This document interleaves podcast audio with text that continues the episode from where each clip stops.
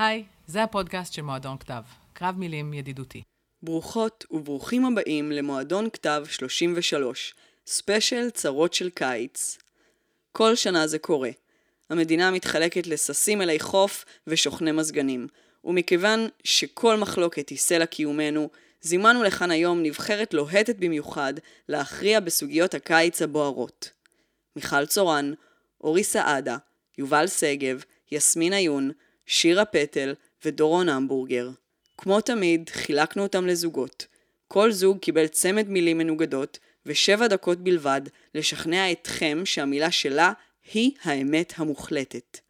לקרב הראשון, להזיע או לקפוא, קבלו בבקשה כותבת, עורכת, המייסדת והמנהלת השותפה של מועדון כתב, ובקרוב מאוד יצא ספר הביקורים שלה, מיכל צורן, שתטען בעד להזיע.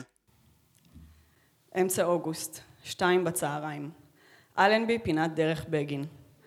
את לובשת גופיית כותנה ירוקה צמודה, שנגמרת קצת מעל הפופיק, חצאית פליסה שחורה ומתנופפת, וכפכפי פלסטיק אדומים, שמשמיעים צליל יניקה בכל פעם שהם נפרדים מכף רגלך המתרוממת לכדי צעד נוסף קדימה. על גבך שק קנבס משולש עם לוגו של גוף שמאלני גוסס כלשהו, שמוצמד אלייך באמצעות צרוכים שהלובן שלהם מבהיק באור השמש. לראשך כובע קש רחב שוליים, שנועד להצל אבל בפועל בעיקר חוסם את שדה הראייה, ועינייך מוסתרות מאחורי זוג משקפי שמש עגולים, שאחת הידיות שלהם מעט רופפת, ולכן עלייך לשוב ולהיטיב את אחיזתם על הפך מדי כמה שניות. או, לשם הגיוון, למתוח את הפנים עד שהמשקפיים חוזרים למקומם. את צועדת צפונה לאורך הרחוב, ומי שדחוף לו להגיד שזה דווקא מערבה כי אלנבי מתעכל שמאלה, יצא מיד החוצה להירגע. לימינך, על הפינה של לבונטין, מתפרס בית קפה ומאה אנשים צעירים שלחלקם יש תספורות. ליתר יש סתם שיער. גם נשים יושבות שם, אבל השפה העברית נוקשה מלהכיל אותן. את מאיטה מעט את קצב ההליכה ומלחסנת אל השולחנות מבט שבה בעת מחפש דמויות מוכרות ומתחמק מהן. רבע שעה קודם לכן היה לך ראיון עבודה מאוד מעניין שבו את הסתכלת על הבוס והבוס הסתכל לך על העיגולים בה בצ'כי. את רוצה את העבודה הזאת? הוא שאל, והעיגולים גדלו. ענית על כל השאלות שלו בפנים חתומות, כאילו הכל סבבה, והיה ברור שלא התקבלת. את בטוחה שאפשר לייצר אינפוגרפיקה יפה מהקורלציה בין התרחבות העיגולים שלך בשחי וקור הרוח שאת מפגינה כשבעצם בא לך לבכות. ככל שהם מתפשטים על בד החולצה, את נהיית יותר cool, או להפך. את ממשיכה ללכת, חולפת על פני חנות ממתקים שהחמסין הפך לגרסת ה upside down של עצמם. השוקולדים התעוותו בסגנון אקספרסיוניסטי, ונחשי הגומי דבקו זה בזה והפכו למגטרון ענקי של סוכר ועצמות דגים. האספלט מתנשם כמו קשיש באמצע הלילה. גזי הפליטה מהאגזוזים מתערבבים עם שומני הגוף, ואט אט נוצרות לך טיפות קטנות על המצח. הן מתנדנדות לשבריר שנייה על צירן, ואז מחליקות מטה לאורך פאות הלחיים, ולתוך השוחות של קמטי ההבעה. צעד נוסף, והנה כבר נקבע נחל איתן זעיר שזורם לך בתחתית החזייה.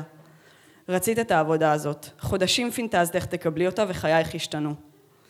זרם מקפיא מנשב עלייך פתאום מהסופר פארם, וחצאית פליסה שהופיעה בפסקה הראשונה מתעופפת מעלה בפסקה השלישית, חושפת תחתונים ספוגים.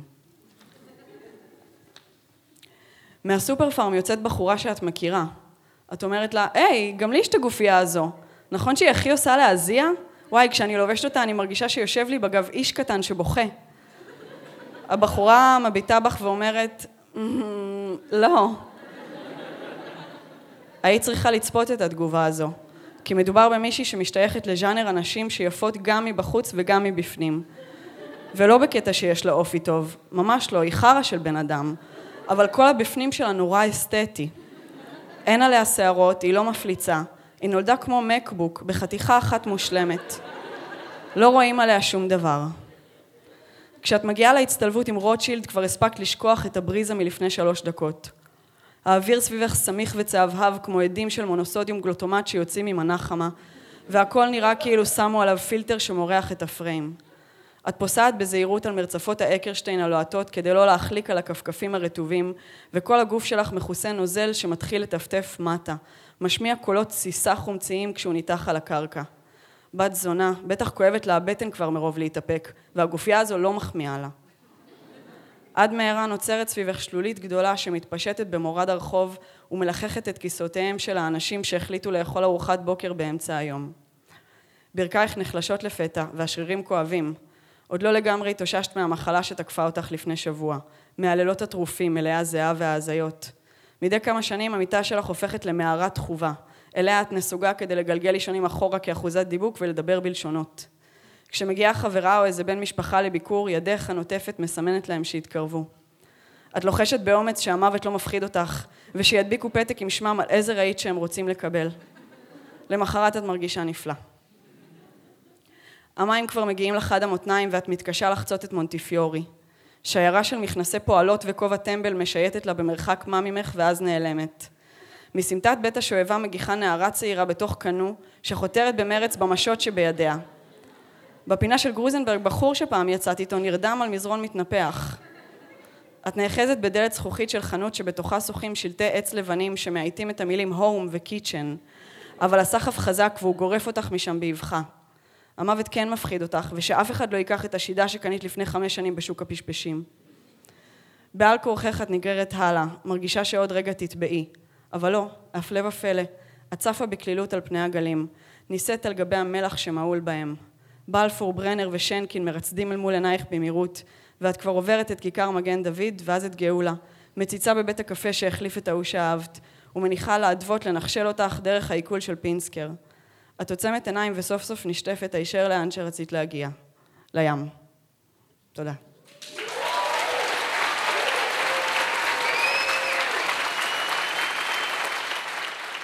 ומנגד הוא שחקן, כותב ומתופף.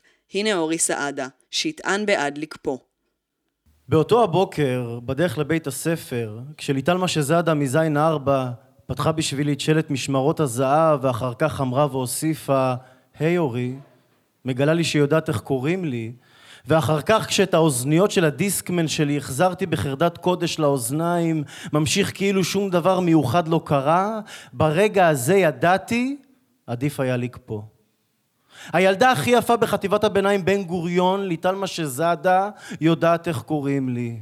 ואפילו אומרת את השם שלי, נכון, אורי במלרע, לא אורי, לא אורי, אלא אורי במלרע, האור שלי. אתה מתחיל להזיע בסערות הראשונות שמתגלות בבית השחי שלך, אתה בורח מהמקום, אתה חושב מתי ואיך לספר את המאורע המופלא, העצום, האדיר הזה ליובל, גיא ועודד. אתה מחשב את הזמן בכל שיעור ושיעור, בכל הפסקת אוכל לזו או אחרת, לרגע שיישמע צלצול הגואל של אחת ורבע, ותוכל לרוץ הביתה, לסגור את עצמך בחדר ולאונן. ולהזיע. ולאונן. לאונן החוצה את כל הדברים שהיו יכולים לקרות אם הזמן היה לרגע אחד נעצר, וגם אני, כמו ליטל, הייתי הוגה את השם שלה נכון, בכריזמטיות, בחן, ביופי ששמורים למלכי כיתה טיפוסיים, כמו תום אבני בחיתול אדום, יהודה לוי בלחיי אהבה, בן חמין רוחס בסדרה עם הארגנטינה, וכמובן לדינה ארס מזין אחת.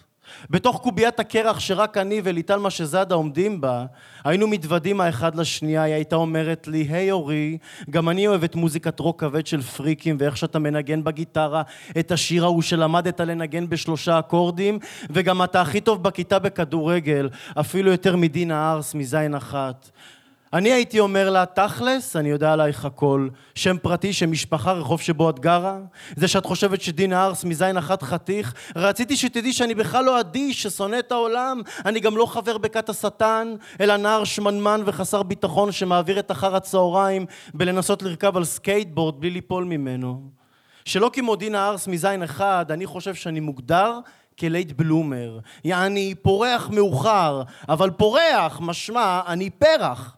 בחיי שאני פרח, אני אחושרמוטה פרח, אני וואחד פרח עם עלים וכל מה שיש לפרחים להציע.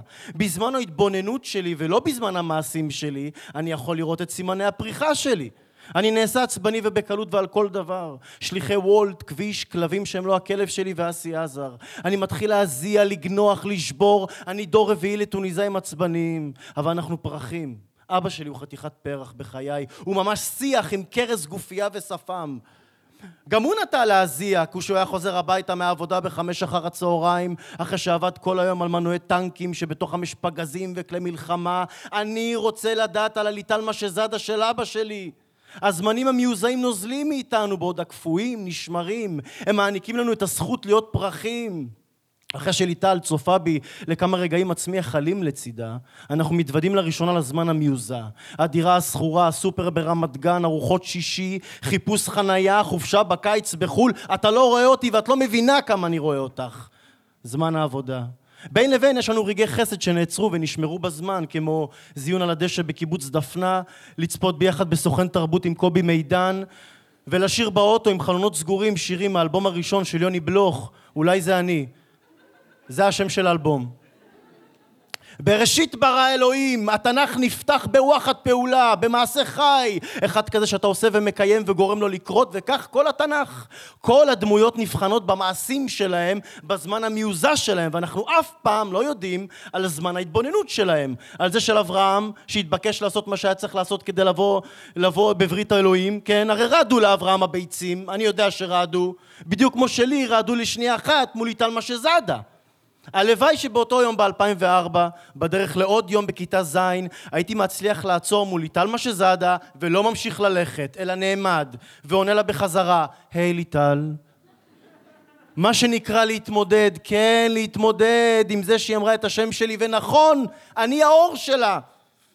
אני רוכב על אופניים בדרך אל הים בגלל שבגלל זה היה מונח שם הרי, שירכבו עליו עם אופניים כמו באסקימו לימון, ישכבו על החול ויתפסו איזה רגע להתבונן בו.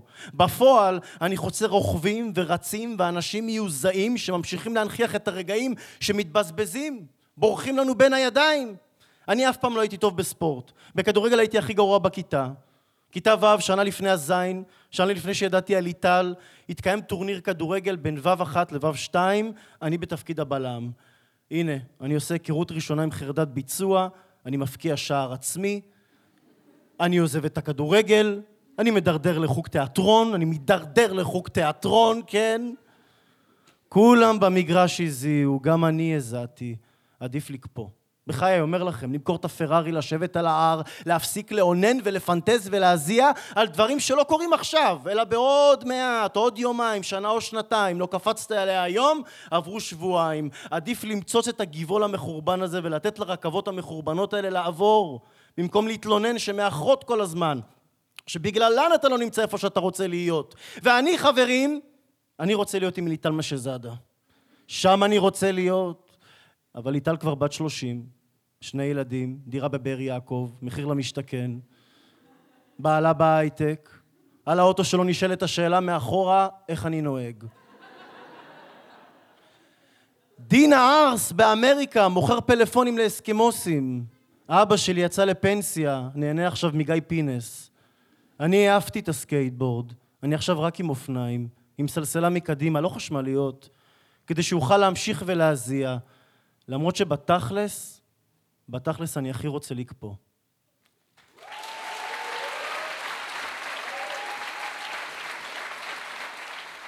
את הקרב השני, ים או בריכה, נתחיל עם שחקן, קומיקאי ומשורר ישבנים לשעבר, יובל שגב, שיטען בעד ים. ים. יבשה. ים.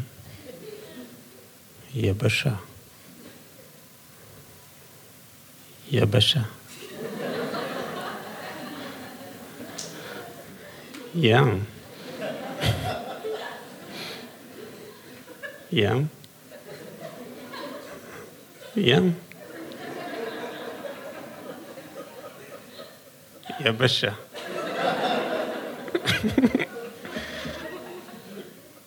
יבשה.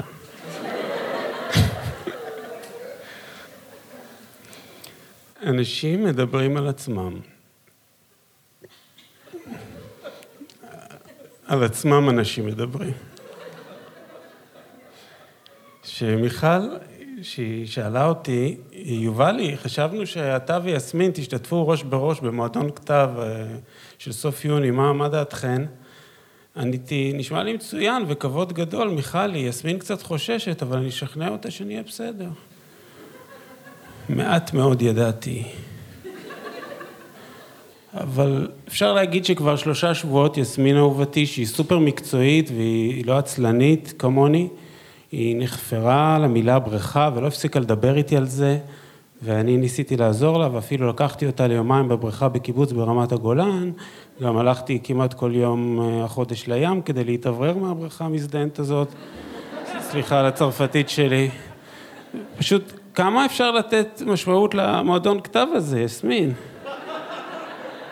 כאילו, כולה כמה היפסטרים שמדברים, ואז מעלים את הסרטון לרשת. אפשר לחשוב, באמת.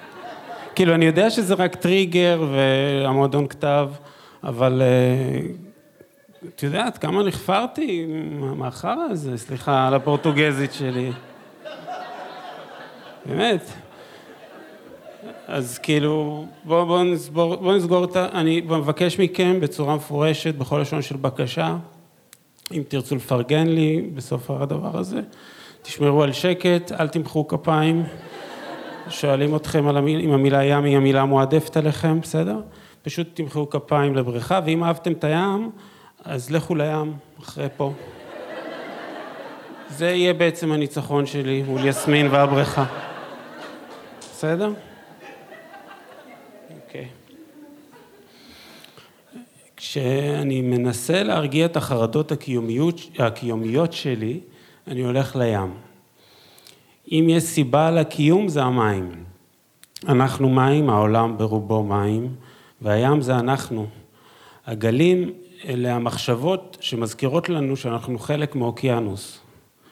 אחי, למרות שאתה גל ואתה הולך להתנפץ על הסלעים, אל תדאג, אתה גם אוקיינוס.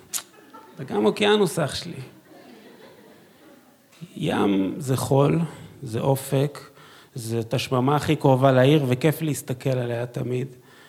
בים שותים ממיץ אפסות הקיום ומשמעות החיים. מה, מה אני עכשיו מסביר לכם מה זה ים? עדיף נראה לי שאני אצטט את אה, לאה גולדברג שכתבה בערוב ימיה. זה מכבר אין איש מחכה לי שם ואם אין ים, הרי אין גם ספינה. הדרך קצרה, החוג צומצם. ובכן מה? עוד שבוע, עוד חודש, עוד שנה. סוף ציטוט. מעל הים יש רוחות שמתחלפות ובתוכו זרמים ומערבולות וגלים בכל הגבהים ושמיים שמשתקפים במים והכל קורה בתוכם, הכל נוצר בתוכם במים האלה. החיים הם בים או שבאו מהים, אנחנו דגים מפותחים, יצאנו מהים, נחזור לים. זורקים אותנו לים, אנחנו שוחים או שתים. אני אה, סקיפר מוסמך, באמת, לשוט במפרשית קטנה, אני בדרך להיות משיט שלושים, אולי משיט שישים בעזרת השם. אה, מגלה יבשות בים ואוויר ביבשה. אה, האיש שהמציא את השמש שזורחת לו מהתחת. האיש שיודע מה טוב לך חביבי ועוצר באדום, עובר בירוק. עומד בלבן, קפטן, יש לך לבן על האף, תתחיל להרגיע עם החרא הזה, אה? סבבה.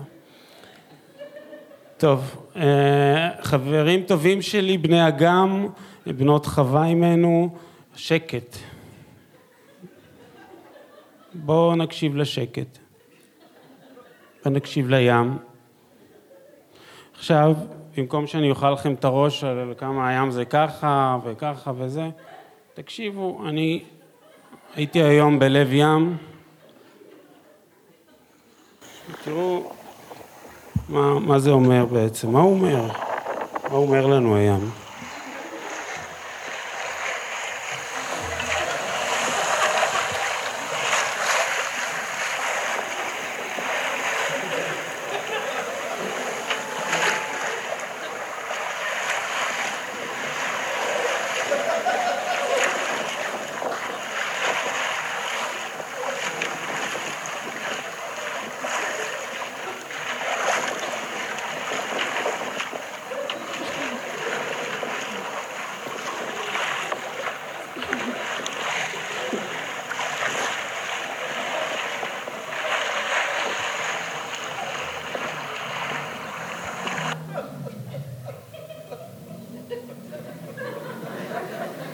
מישהו מתקשר. מה? אה, נגמר לי הזמן. טוב, תודה.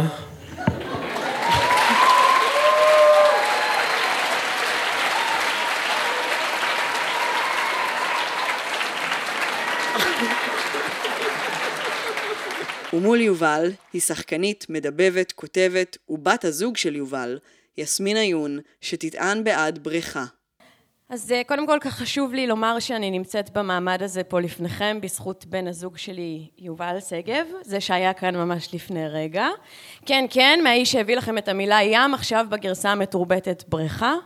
למעשה יובל הוזמן להיות משתתף הערב ובהמשך הוצע לו שנעשה ראש בראש, הוא אמר שיבדוק איתי ואני אמרתי וואו, מועדון כתב, איך אני אוהבת, אין מצב, תשכח מזה. ויומיים אחר כך קיבלתי את המייל הרשמי למשתתפים, אז עשיתי כאילו אני כועסת עליו, אבל בפנים התרגשתי, וזה בכלל לא נורא שאני כאן לא רק בזכות עצמי, מה זה משנה איך את מגיעה לאן שאת מגיעה בעיר הזאת. אז סלחתי ליובל ואמרתי לו תודה ושהוא מאמי, כי זה נכון, ראיתם, הוא ממש מאמי. ונכנסתי למייל כדי לראות איזו מילה קיבלתי, ווואו, תשמעו כמה שאני הופתעתי, וואו, כמה שאני לא האמנתי, בריכה. איזו מילה מרתקת עבורי. אני גם מאוד לא אוהבת בריכה, וגם הזיכרון הראשון שלי הוא שכמעט טבעתי באחת, אז בכלל זה צירוף מקרים מקסים. אה, אני כל כך לא הולכת לבריכה שאני לא רכשתי בגד ים מזה שנים, אולי אפילו עשרות שנים, אין לי שנה מדויקת, כי בזמנו כתבנו על נייר, לא היה מחשבים. אבל כל זה לא היה נורא כמו לגלות שיובל קיבל את המילה ים. מאותו רגע התעסקתי בשאלה למה יובל קיבל מילה כזאת ענקית, אקזיסטנציאליסטית, עמוקה, שכיף בה אבל גם מסוכן, ואני קיבלתי בריכה. שזה הדבר הכי תחום, מדוד, רדוד, וכשמשתינים בזה זה פשוט נשאר. כי תנו לי להגיד לכם משהו, אף אחד מעולם לא הלך לבריכה כדי לחשוב מחשבות עמוקות על החיים. לא, אתם לא תמצאו בחור שבור לב בשם אלעד, לובש שרוואל, מחזיק ג'וינט ביד, יושב עם הכלב שלו בצד של הרדודים, ומסתכל עשר מטר קדימה לכיוון העמוקים במשך שעה וחצי. כי זה קצת כמו לשבת עם דרינק על הבר לבד ולא להיות באייפון. אחי, אתה מלחיץ את האחרים. כי באמת, שאף אחד לא הולך לבריכה כדי לתהות על העתיד, או להתלבט התלבטויות, או לקחת זמן לעצמו לנקות את הראש בשקיעה, לא. בשביל אלה הולכים לים, נכון? כי הים הוא רומנטי, ולשם הולכים כדי לבכות, ולכן הים מלוח, לבריכה הולכים כדי להשתין, לכן הכלור. ולמרות הסכסוך בין ים לבריכה, בין דמעות לשתן, גם דמעות וגם שתן הם רגש שיוצא מהגוף הישר אל תוך המים, וכל הנחלים זורמים לים, אף נחל לא הולך לבריכה, שתפו כדי שיראו את הצביעות.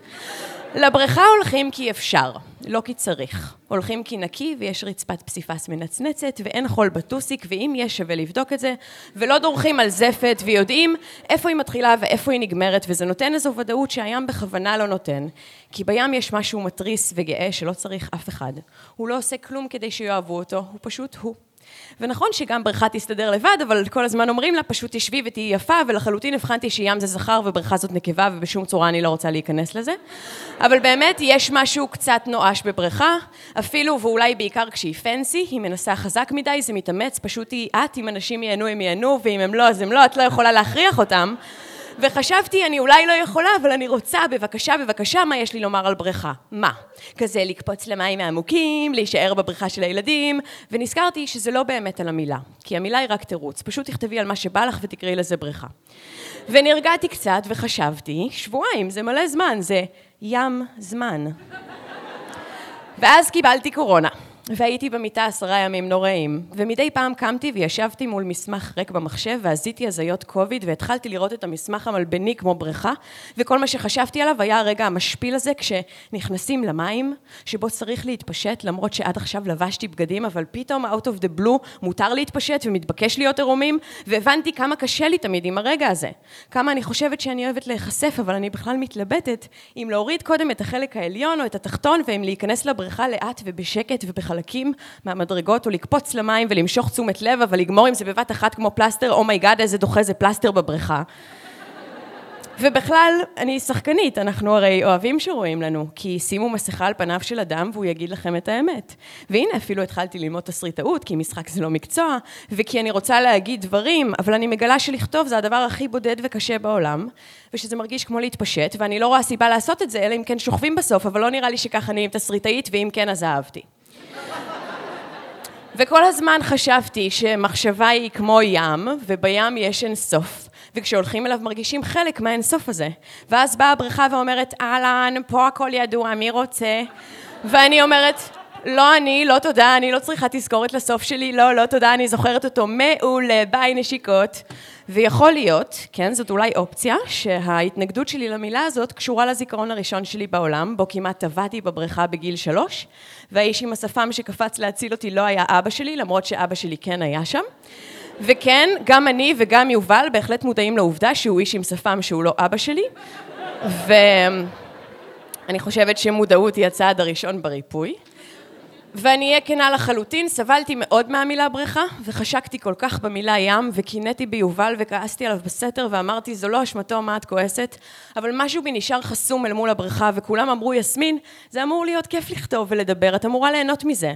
ואני חשבתי, זה בטח מה שאנשים שהולכים לבריכה עושים, הם פשוט נהנים מזה. בלי דאגות, בלי בעיות, כי בריכה זה מושלם. בריכה היא בדיוק איך שהיינו עושים אותה אם היינו עושים אותה בעצמנו. אבל אני פשוט לא מבינה איך אפשר ליהנות מזה שבריכה רוצחת את האינסוף. וזה אולי נשמע כמו הפרזה, אבל באמת שקל כל כך לראות שהיא רוצחת את האינסוף.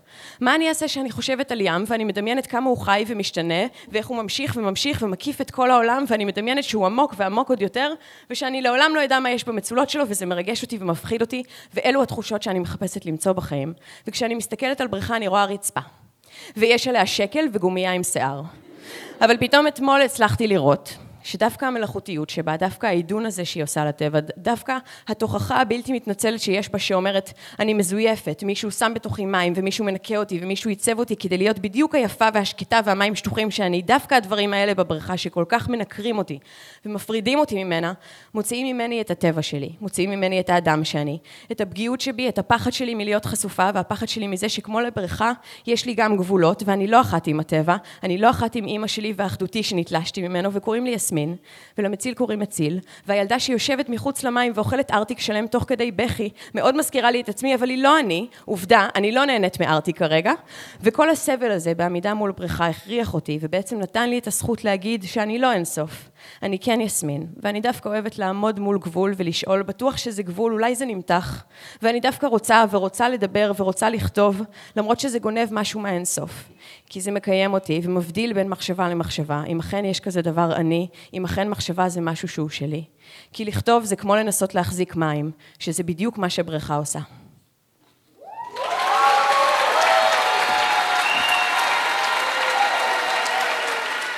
לקרב השלישי והאחרון, חריף או חמוץ, נזמין אושייה, יזמית, אם ואחות למועדון, שירה פטל, שתטען בעד חריף. שלום, אני באתי לייצג את חריף. אם למישהו יש משהו נגד חריף, שלא ידבר איתו ישירות, למה הוא נדלק, עצבני, וכבר עם הכיסא ביד, להעיף אותו על מי שיפתח פה, שיפנה אליי. אני מייצגת את החריף. גם אני לא התלהבתי ממנו בהתחלה, אבל מועדון כתב זה כמו לעבוד בסנגוריה הציבורית. צריך להאמין שכל מילה יש בה טוב ביסודה, ומגיע לה ייצוג ראוי, חמלה, שמישהו יאמין בה. בכל זאת ניסיתי להחליף, וכפרקליטה ותיקה הנחתי בפניהן את ראיית הזהב. דורון הוא המבורגר. זה הכי הולך עם חריף. אני פטל, פרי נדיר, יקר, יוקרתי ודי חמוץ. לא ענו לי אפילו. הסתכלתי כה וכה, הייתי במיטה כשקיבלתי מהן את המייל, ומימיני הבחנתי בגבר, חריף. הגבר חולה על חריף, לא יכול בלעדיו. למזוודה שלו עם חמישה חפצים לאי בודד, ראשון נכנס בקבוק סיראצ'ה. אני לא, אני נראה לי לוקחת פרי. תשאלו איזה פרי, כמו שאני שואלת בכל ארוחה את הילדים שלי, כדי שיהיו מוכנים ברגע האמת כשבאים לפנות אותנו לפני הקטסטרופה. לא כדאי לשאול, אין סוף לחיבוטי הנפש, איזה זן תפוחים אני אקח. בכל מקרה, פה במועדון, ממילא מדברים על מה שיושב על הלב באותו רגע, ולא משנה המילה. אז אצלי החריף והחמוץ הדליקו, שלא לומר הטריגו, את המלחמה בין המינים. והסכמה שאני רוצה לשרטט פה היא שחריף הוא גברי וחמוץ הוא נשי. ואם כך, אז בטיפול הזוגי שלנו היום נתנו לכל מגדר להציג את השני כדי לפתח בנו אמפתיה וחמלה ליריב. אתם הקהל לעומת זאת תצטרכו בסוף בלי רחמים להגיד את מי אתם יותר אוהבים, את אבא או את אמא. בלי פלואידיות, תחיו על הקצה. ונוס או מרס? קחו צעד, אם הילדים שלי מצליחים אז גם אתם. אבטיח, לא מלון, קל. דג ולא עוף, מלפפון או עגבנייה? זה שוב עניינים של מגדר, בזה אנחנו יותר מסובכים. אה, אני חוזרת לדוגמן החריף שלי להיום, הגבר, מהמערכה הראשונה. כשהוא היה נער, הוא ואימא שלו הלכו לאכול בשיפודי אלברט בראשון. השווארמה אסיסטנט המנוסה שהרכיב את המנה עשה זיהוי לקוח מהיר וברור שאפילו לא טרח להציע לאישה וילד חריף. אבל הם ביקשו והוא נעתר, לא בלי מבט ספקני מזלזל, שם להם קצת. טעמו ואמרו, לא חריף בכלל, שים עוד. עשה פרצוף מופתע, מתפעל, ושם עוד טיפה, ואמר שוב, תיזהרו זה קטלני. והם, בלי להחליף ביניהם מילה, החליטו להראות לאפס הזה. מה זה? השוביניסט, ואמרו בעיניים נוצצות, שים עוד, לא מרגישים כלום, ושוב שאלים בטוחים, וכבר התחיל לפקפק בחריף שלו ובחריפות, גבריות שלו עצמו, ושם עוד טיפה, והם אמרו עוד, ובפנים ריריות הקיבה מתמוטטות מחריף, והלב נמס מאושר, ומרגע נדיר ונפלא של רשעות ו bonding של אימא ובן, שאגב לא חזר על עצמו מאז 40 שנה. איזה קטעים, איך עבדנו על המטומטם.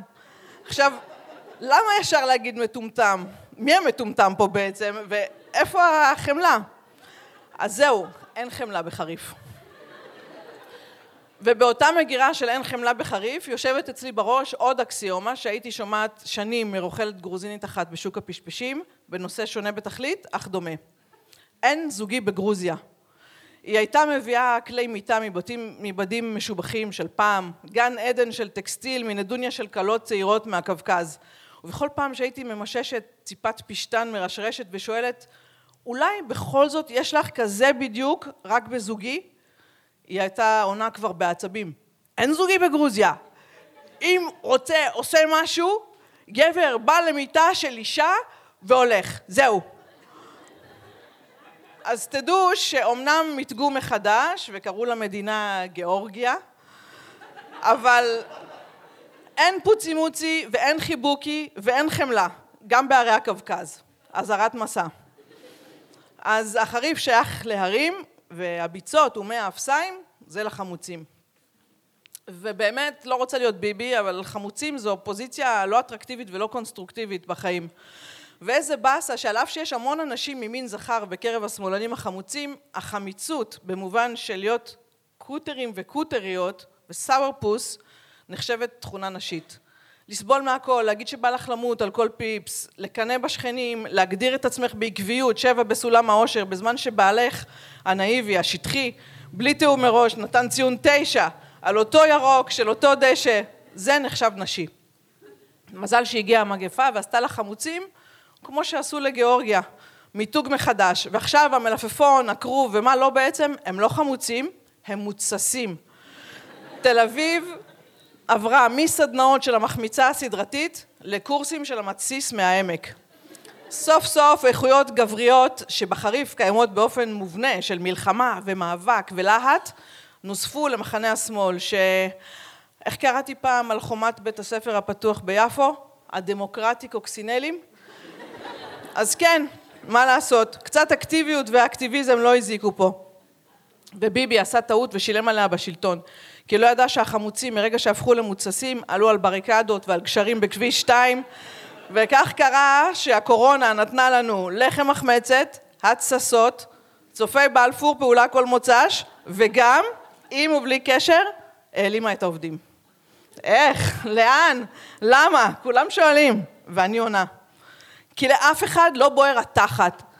אין ברן וגם אין דלקה. אין דחיפות מכל סוג שהוא. זה המקום גם לומר מלצרים, מארחים, אחמ"שיות, טבחים, אם בכל זאת בא לכם לעבוד, תנאים טובים למתאימים בשאפה. ההודעה בלשון זכר ונקבה, אבל פונה לכולם. אז אני פה סנגורית של החריף, אבל יש לי לא מעט חמוץ, ובמזג שלי אני בכלל אורז. ניטרלית, עמומה, מצא טוב לזה וגם לזה, ענן לבן. לכן חביבות עליי סימולציות יום הדין וחידון האי הבודד, כדי להכריע בכל עניין. הספר האהוב עליי הוא צילומים של ארוחות של נידונים למוות. מה הם בחרו בארוחה האחרונה? ספר מרגש, נפלא ומחריד, שמספק את הכמיהה שלי להחלטות ברורות, להחלטיות, למוחלט, לסופי. אין גם וגם, אין פעם ככה ופעם ככה. מי את? איזו ארוחה את פאקינג לוקחת איתך עד המוות? טוב, יאללה, החלטתי. סלט עגבניות מגי עם פרוסות אבות של פלפל צ'ילי ירוק, עלי כוסברה רעננים, פרוסות שום, בצל סגול, שמן זית, מלח גס, טעמים עזים של קיץ וים תיכון. לא יודעת אם ככה אני רוצה למות, אבל ככה אני רוצה לחיות. לב.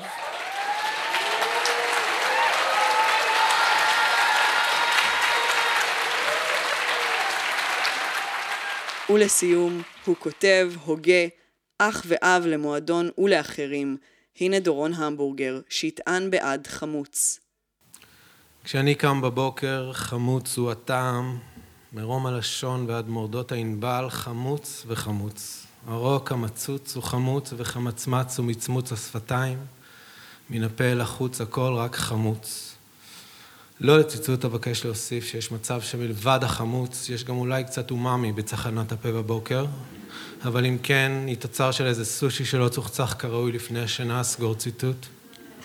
בכל מקרה, חרצו לשון לרוח, וזאת תחמיץ. לא תומלח, לא תוחרף, לא תומרר, לא תומתק. תחמיץ, אני אומר לכם, כמו לשון בתחמיץ. חמוץ הוא טעם האוויר, החמצן השורף את לשוננו תדיר, כחלודה מעכלת בברזל, כדפי ספר מצהיבים. חמוץ הוא הטעם וחוסר הטעם, חמוץ הוא המצב הנתון. מיסודנו חמוצים אנו, נושמים ומחמיצים ריאותינו חמצן, שיעדים את דמנו, ויחמיץ כל נים ופינה בגופנו, כל הנושם חמוץ הוא, והכל מוחמץ כל העת. ננשף ונשאף, ננאף ונחשף, לשורף, למעכל, לשורט. הלב הנחמץ והחלב שהחמיץ, שניהם אותו החמוץ, צריבת העולם בעומד במקום. פה שמתי כוכבית, כוכבית 7-2, כוכבית של עקוב אחריי, שתעקבו אחריי כי אני עוזב רגע את הספוקן החמוץ ועובר לספר על כך שאתמול סיים ינוק האהוב שלי את כיתה ג'. הייתה חגיגה בבית הספר עם שירים וכיבוד והורים, אבל אני וזוגתי לא הגענו. למה אתן לבטח שואלות?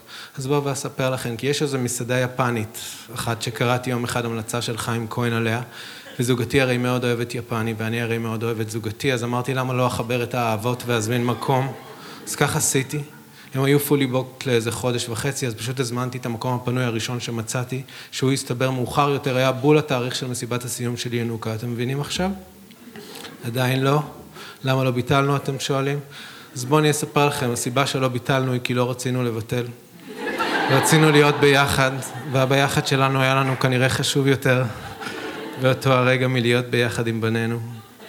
זו סיבה מצערת אחת, הסיבה השנייה כרוכה בעובדה מצערת אחרת, והיא שאני וזוגתי לא אוהבים טקסים ומסיבות סיום, זה מי שאנחנו, לב העומד במקום. עכשיו שיהיה ברור, הודענו לו מראש שלא נגיע ושאלנו אותו אם זה יאכזב אותו והוא התמהמה ולא ענה שכן, אבל גם לא ענה שלא, כי בואו, גם הוא בעצמו לא כזה טיפוס של טקסים ומסיבות סיום. וניצלנו את ההתמהמהות שלו כדי לסנגר על עצמנו בטיעון היסטורי, על כך שאנחנו, כשהיינו קטנים, לא היו עושים כל, כל סיום כיתה מסיבת סיום, בטח ובטח לא בנוכחות ההורים. וינוקה קטע את הטיעון ואמר, זה בסדר, זה בסדר, זה לא כזה מפריע לי. וזוגתי ראתה את העניין סגור, זה לא מפריע לו, היא אמרה, בוא נלך. אבל היא הציקה הלא כזה שלו. לא רציתי עמימות, רציתי שיאמר בבירור אם זה מפריע לו או לא. שאלתי אותו שוב, מחניקו אל תוך נים ופינה שלא יוכל לצאת ממנה, כי הרי אם יאמר שזה מפריע לו, יחמיץ לנו את הערב, ואם יאמר שלא מפריע, יחמיץ את האמת שלו. אז מה עושים? לא מכניסים ילד ל mindfuck כזה, אבל כבר הכנסת.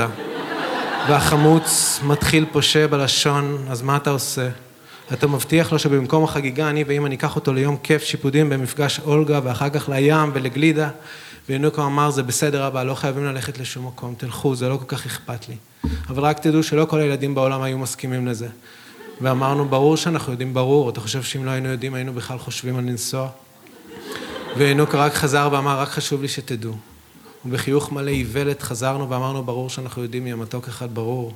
ונסענו לסעוד את סושי נפשנו על חשבונו.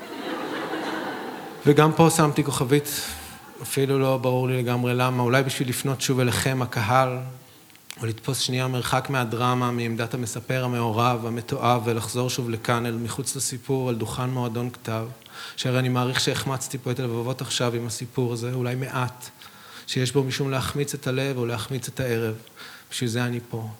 להעניק תחושה חמוצה שהיא מעבר ליפה, תחושה של החמצה, לא רק על ינוקה שלי, אלא גם על ינוקה שלכם, הינוקה שבכם, כי הרי כולנו הוחמצנו וכולנו עוד נחמיץ, וחמוץ הוא הטעם והיעדרו, צביטת החיים בלשון וצביטת המוות בלב.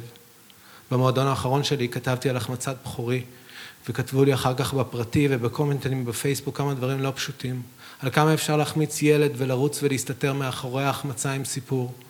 ואם אני מבין נכון את הדברים שאני כותב פה עכשיו, גורל דומה צפוי לי לאחר המועדון הזה.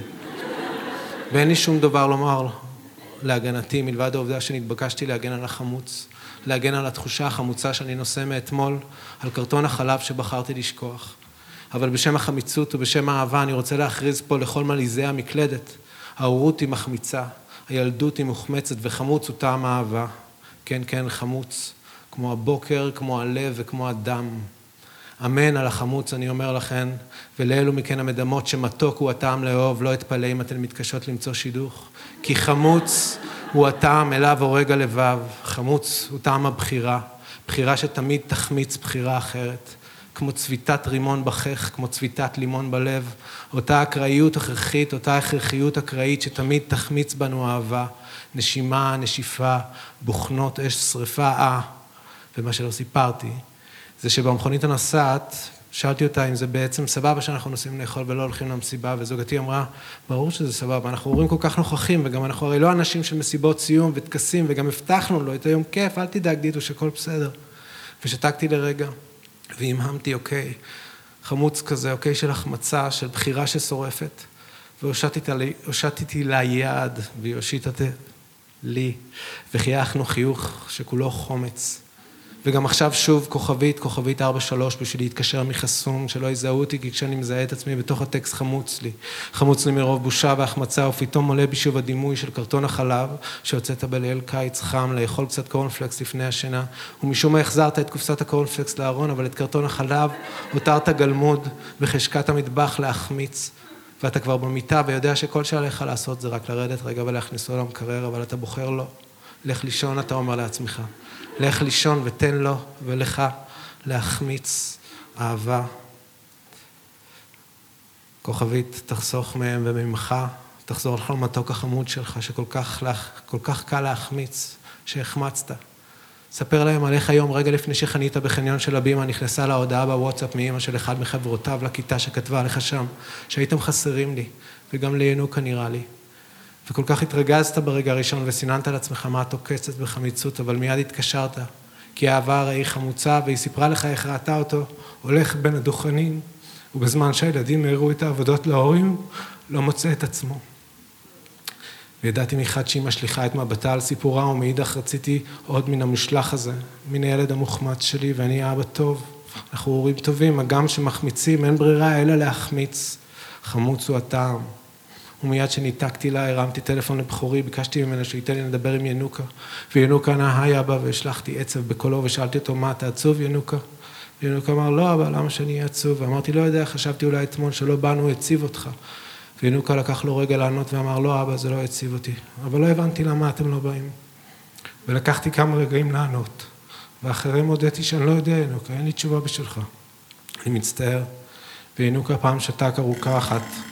ושאלתי, ינוקה, אתה שם? הוא אמר, כן אבא. ושאלתי, למה אתה לא אומר כלום? וינוקה אמר, כי אין לי מה להגיד. ואין מה להגיד שלא החמיץ בי הכל.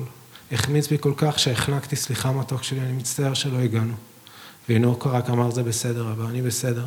פעם הבאה תבואו. כוכבית אני עומד פה ונחמץ עליי הלב, לא מאשמה ולא ממבוכה. נחמץ לי הלב מאהבה, שתמיד תחיה את הכל ותמיד תחמיץ. כי חמוץ זה הטעם, טעם אהבה, אני אומר לכם.